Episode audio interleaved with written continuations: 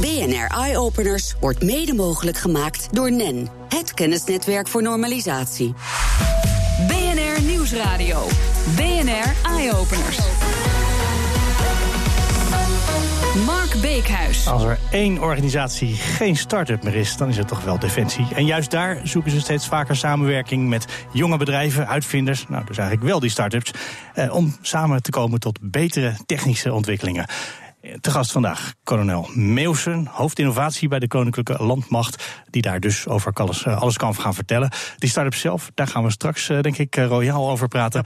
Eerst maar eens even, überhaupt, want de landmacht en innovatie, dat zijn als buitenstaander niet meteen woorden die ik bij elkaar uh, link. Ligt dat, heeft dat heel veel met elkaar te maken? Um, jazeker. Uh, de landmacht uh, heeft altijd in moeten spelen op verandering in de omgeving. dus vernieuwen.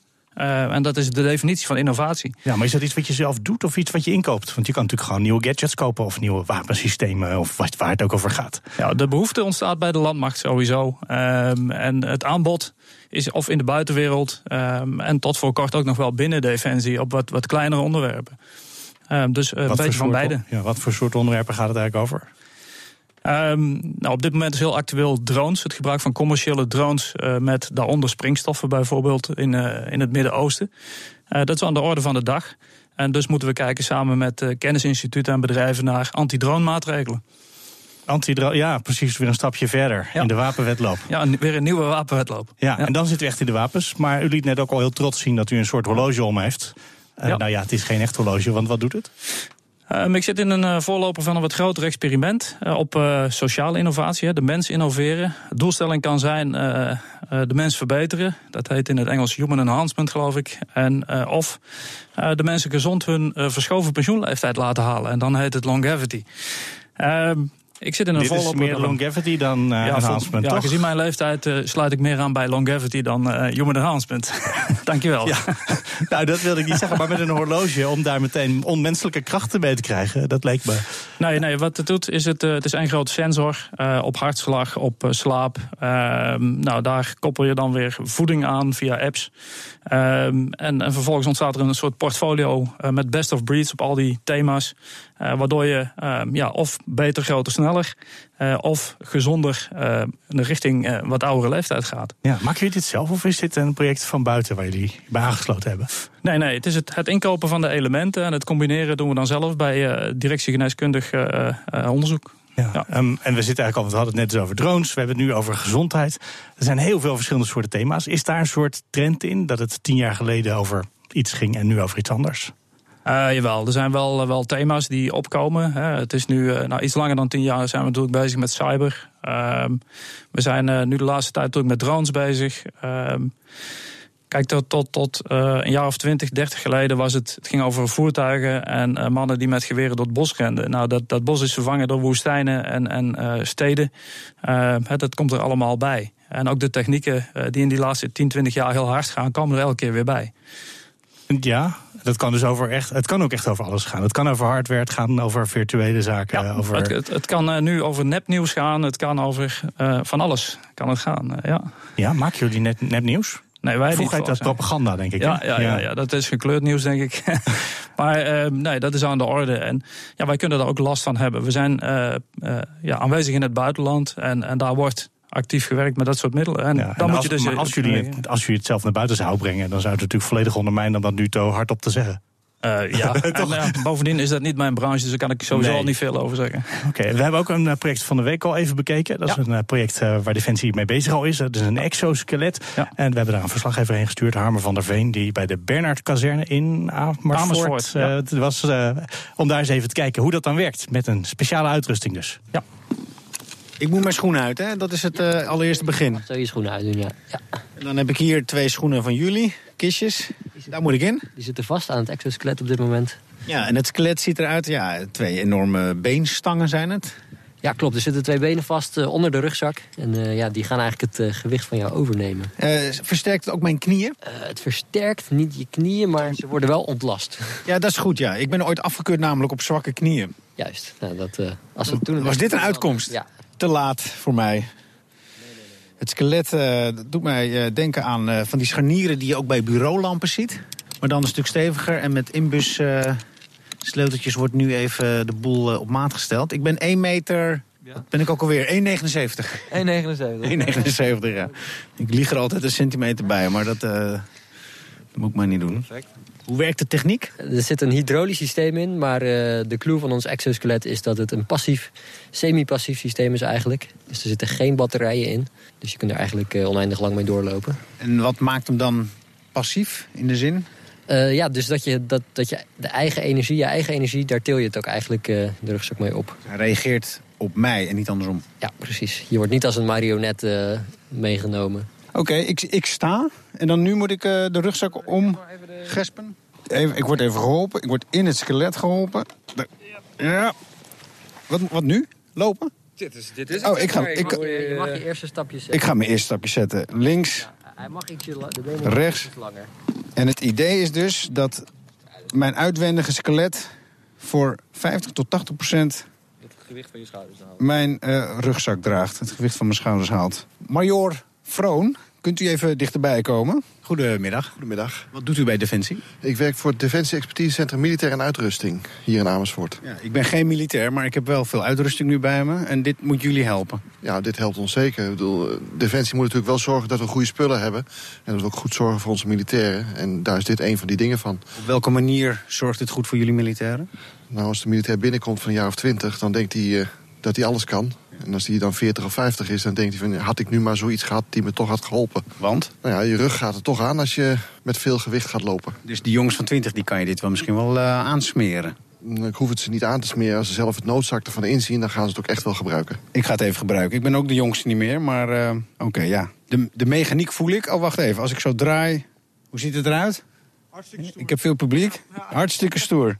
Hoe vindt u het eruit zien? Heel stoer. U bent er stil van. Heel goed, heel goed. Dat is altijd mooi van de radio. Ik loop nog eens even wat. En dat voelt niet verkeerd. En dat is goed nieuws voor u.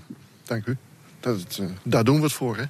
Daar doen ze het voor. Harmer van der Veen, die dus zo'n exoskelet eh, aan had. eh, Wat hem moest helpen met het lopen. Maar dat eh, was in het begin nog niet zo makkelijk. Heeft u mezelf eigenlijk ook wel eens aangehad? Eh, nee, Ehm, exoskelet eh, moet op maat worden gemaakt. Ik val buiten het maatbereik van eh, de demo-versie van, eh, van Interspring, eh, die me heeft gemaakt.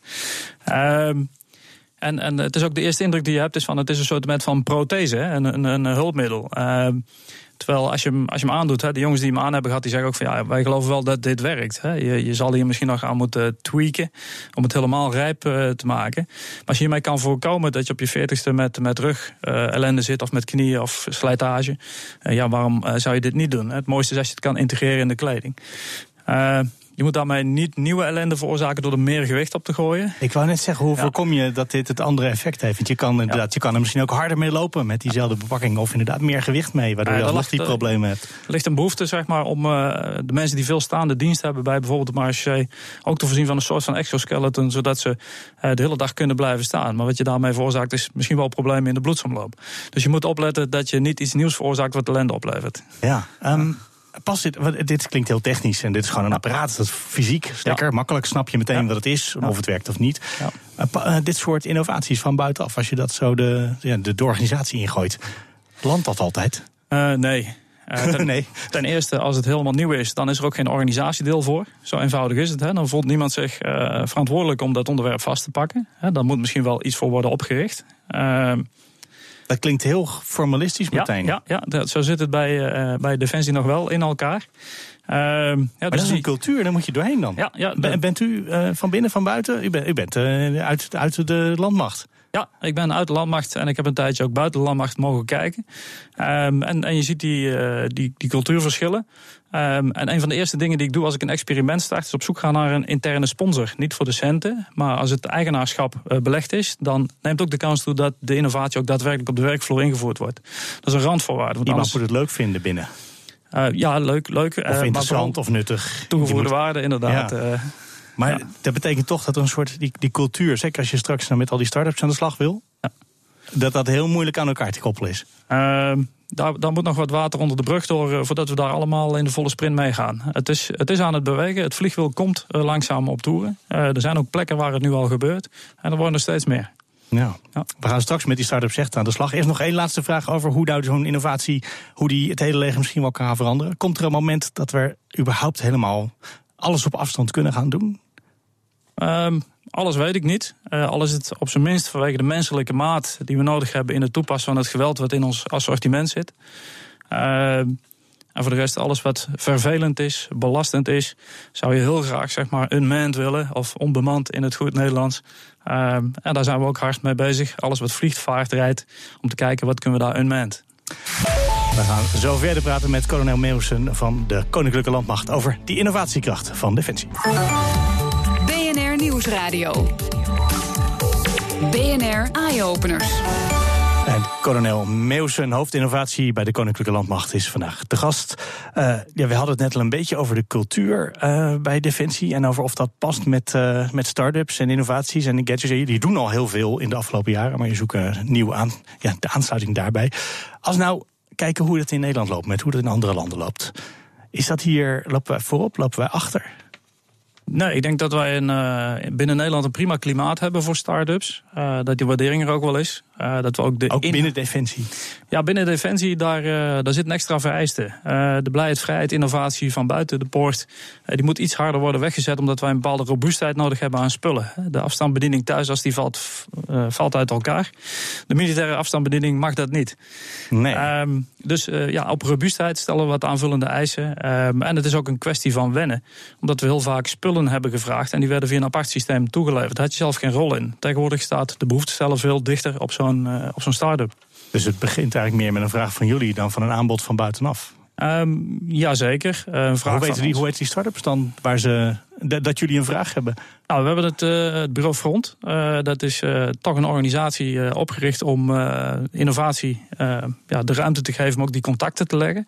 En die hebben nu contact met alle kennisinstituten, met degene die daar de start-ups begeleiding doen. En bijvoorbeeld vragen als van zijn er ook start-ups zonder onderwerp? die vraag is gesteld, het antwoord was ja. Echt waar? Dus, ja, wij kunnen dus met een onderwerp naar een, een enthousiaste set techneuten die vervolgens ons onderwerp gaan, gaan uitvoeren. Dat is fascinerend. Ja. Wij zijn een bedrijf. Wat doen jullie? Geen idee. Nee, maar, En dat vinden jullie interessante mensen? Dat vind ik interessant, dat jullie dat een ah, interessante groep mensen vinden. De crux is dat ze veel meer snelheid kunnen maken dan wij zelf. Uh, zijn eh, veel onbevangener, staan ze erin en dus gaan sneller uh, doen. En zonder doen uh, ja, is er geen innovatie. Dus ja, dat is een prima, een prima setting. Ja, het gaat het een stap voorbij het uitvinden. Waar ligt nou in Nederland de, de, waar ligt onze expertise? Waar zijn wij heel erg goed in als het om dit soort start-ups die voor jullie relevant zijn gaat? Ja, wij zijn, wij zijn goed in content en toepassing. Maar wij gaan uh, niet uh, nieuwe computers uitvinden. Uh, daar zijn ze elders veel beter in. Maar die uh, uitstekende computeruitvinders uit het Verre Oosten bijvoorbeeld komen wel naar Nederland om te kijken wat gaan we er dan mee doen. Um, en daar zijn wij weer, weer goed in als Nederland. Softwaremakers.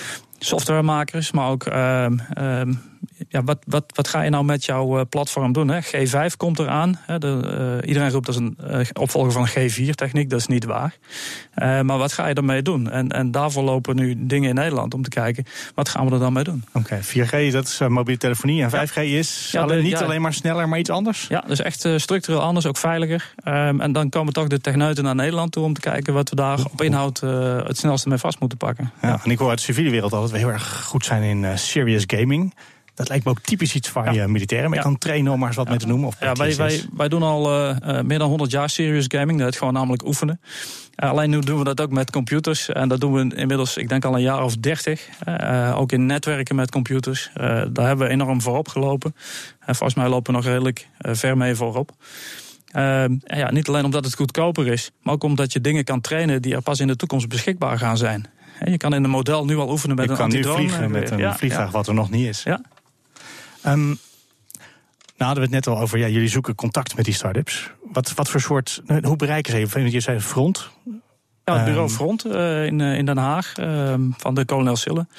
Um, en, en die hebben contact gelegd met al die start-ups begeleiders van die uh, universiteiten. Dus hun eigen opstijgpunt voor start-ups weet dat wij in de, de portfolio zitten. En die komt met onderwerpen bij ons. En wat voor soort voorbeelden komen zij mee aanzetten? Ik heb laatst een, een presentatie gehad van een, een tweetal mensen die maakten handschoenen. Uh, die ergonomisch op basis van, uh, van 3D-imaging, uh, dus het, het, het, scannen van je hand, handschoenen maken van een bepaalde kunststof, die enorm slagvast waren. Die hadden ze eigenlijk ontwikkeld voor het zwaardvechten, dat was hun hobby. maar ze zagen ook wel toepassingen bij Defensie, en dat is ook zo. Ehm, ja, dan komen ze laten zien wat ze doen. Hè. Iedereen pitcht, heet het dan. Nou, je laat dus gewoon zien wat je, wat je hebt. En jullie hebben af en toe gewoon pitchdagen daar, waar je kan inschrijven. Ja, we, hebben, we hebben innovatiegames, we hebben uh, pitchdagen, maar ook losse afspraken. Ehm, dus op allerlei manieren kun je, daar, kun je daar terecht. Ja, en dat klinkt heel open. Maar weten mensen dat ook te vinden als ze niet per se aan de universiteit al zo'n start-up zitten? Uh, ik, degene die het niet weten te vinden, weet ik natuurlijk niet. en degene die het wel, no, no, no's. Ja, ja. En degene die het wel weten te vinden, die kan op meerdere manieren binnen. Uh, soms via kennisinstituten, uh, soms via TNO, uh, maar ook vaak via bedrijven. en steeds meer via de nieuwe media. Dus jullie gooien gewoon iets op Twitter of op Facebook en daar reacties? Komt, ja, ja, ja, dan word ik uh, Levert dat al iets op? Want daar kan natuurlijk, dat lijkt me heel moeilijk filteren. ja, uh, ik ben nu een one-man army uh, in, wat dat betreft. En ik kan redelijk filteren volgens mij. Uh, maar toch spreek je ze eerst om zeker te weten dat, het, uh, dat je niks mist. Ja, maar natuurlijk, maar je ja. wilt niet uh, eerst 500 man moeten spreken om nee. daar één briljant idee uit te halen. Nee, nee, nee, nee. nee. Het zijn vaak al redelijke ideeën, ehm, soms meer van hetzelfde. En als die echt briljant is, ja, dan pak hem vast en gaan we door. En dan moet er natuurlijk, ja, dan is het een idee, dan moet nog gemaakt worden. Ja. Er is heel veel bezuinigd bij Defensie. Daar is veel politieke aandacht voor. En er komt nu weer wat meer geld voor terug. Maar nou, daar hebben we nog geen garantie op. Eh. Dat is waar. nou, daar gaan we. Dus dan komt zo iemand met een heel goed idee en zegt: ja, we moeten nog wel eventjes, uh, er moet nog even wat in geïnvesteerd worden. Ja. Is, is daar budget voor? Kunnen, kunnen Jawel, we hebben omdat we al. Jawel, lang... Dat vind ik niet heel royaal. Nee, nee, nee. Maar die, uh, uh, als je kijkt, hè, nu in de begroting, als je alles bij elkaar optelt wat te maken heeft met kennisontwikkeling en innovatie, komen we aan 70 miljoen per jaar. Als je al die potjes bij elkaar zou vegen. Ehm, nou, dat is al een serieus bedrag. En als je ook gaat kijken naar mensen die zich met innovatie bemoeien, dat zijn er ergens tussen de 800 en 1000 personen die fulltime of parttime zeg maar, iets met kennis en innovatie doen. Dus daar kan het probleem niet liggen, volgens mij. Uh, en is het dus, wat doe je ermee? En uh, uh, rapporten maken, dat is één. Hè, dat is soms ook nodig. Maar een stapel rapporten doet niks. Uh, een aantal experimenten doen is zeker al beter, omdat je daar uh, ja, wat sneller leert op de aspecten die je moet weten. En maar een experiment aan zich is niet genoeg. Het moet beklijven in de organisatie. En vandaar die zoektocht naar die interne sponsor ja. uh, zo essentieel is. Eén ding wat ik van start-ups weet is dat een heleboel het niet redden uiteindelijk. Ja. Hebben jullie daar een goede track record in? Dat als mensen zeggen, nou, je met Defensie inmiddels mag samenwerken nee, ik denk dat eh, met start-ups werken is, uh, staat nog redelijk in de kinderschoenen. En waarom? Omdat we in het verleden het hebben geprobeerd. En toen bleek vaak dat uh, defensie is zo groot. Als je er dan meteen uh, 10.000 moet maken, dan heb je de productiefaciliteit niet. En, en dan houdt het op. He, dus je moet aan de voorkant van je, van je proces al nadenken over. en dan, stel dat het lukt. Uh, dan, dan, zoek je misschien een grotere uh, partner die de start-up meeneemt en, en die serieproductie eh, van ze overpakt of ze uh, feitelijk uitkoopt. Ja, en dat soort, dat soort modellen, ja. Dat zou je er zomaar kunnen zijn. Ja. Ik ga u heel hartelijk bedanken. Kolonel Meeuwsen, hoofdinnovatie van de Koninklijke Landmacht. Dank voor uw komst naar de studio. Dankjewel. BNR Nieuwsradio. BNR Eye Openers. Ik wou al zeggen, het is tijd voor de beste technieuwtjes eh, vanuit het buitenland. En daarvoor hebben we zoals elke week contact met hoofdredacteur van Numrush.nl, Elgar van der Wel. Welkom. Um, laten we beginnen in Arizona vandaag. Uh, want daar mogen mensen zo vaak als ze maar willen. En bovendien ook nog helemaal gratis aan boord van een zelfrijdende minibus. Lijkt mij geweldig. Uh, dat is een test, denk ik, voorlopig nog. Ja, het is, uh, het is een test van Waymo. Dat is uh, eigenlijk onderdeel van Google. Google werkt natuurlijk al als een van de eerste uh, begonnen met het, met, met maken van zelfrijdende auto. Die hebben ze eigenlijk uiteindelijk gespin-offed, zoals het heet, naar een zelfstandig bedrijfje. Dat is Waymo. En die gaan nu echt testritten doen waarbij mensen ja, als een soort taxidienst zo'n zelfrijdende auto kunnen bestellen. Er zit nog wel een chauffeur voor de zekerheid achter die de boel in de gaten houdt kan overnemen. Maar die kan je dan ja, zelfrijdend van A naar B brengen. Minibusjes en binnen een beperkt gebied of kan je ook zeggen, doe mij maar even naar New York. Nee, het is wel de bedoeling dat je in Arizona blijft. Um, uh, het is niet de bedoeling dat je inderdaad half Amerika gaat doorkrotten. Je zou het kunnen proberen, wie weet dat ze, dat ze zeggen, nou doen we. Maar nee, eh, ze hebben ook alleen maar vergunningen uh, voor bepaalde gebieden. Dus je moet wel in de stad blijven. Oké, okay. er zijn inmiddels tientallen slimme manieren om veilig in te loggen op allerlei apparaten met vingerafdrukken, met iris-scans, met stemherkenning, zelfs met je hartslag schijnt dat te kunnen. En daar komt er nog eentje bij, die je omgevingsgeluid daarin gooit. Hoe, wat is dat precies? Ja, zo grappig is een start-up die heeft gezegd... nou, we, we hebben gekeken van hoe kunnen we een, een, een veilige check doen... of uh, jouw telefoon en, en je computer waarop je op in op dezelfde plek zijn. En dat kan door eigenlijk een soort vingerafdruk te maken van de, van omgevingsgeluid. Om te kijken of dat, dat omgevingsgeluid wat je hoort van de ruimte waar je in bent... of dat uniek is uh, en gelijk aan elkaar. Dus dat, dat het op je computer en, uh, en telefoon uh, gelijk is. Nou, het blijkt echt uniek te zijn voor bijna elke ruimte. En dus kun je het op die manier checken. Nou, daar hebben ze een appje van gemaakt.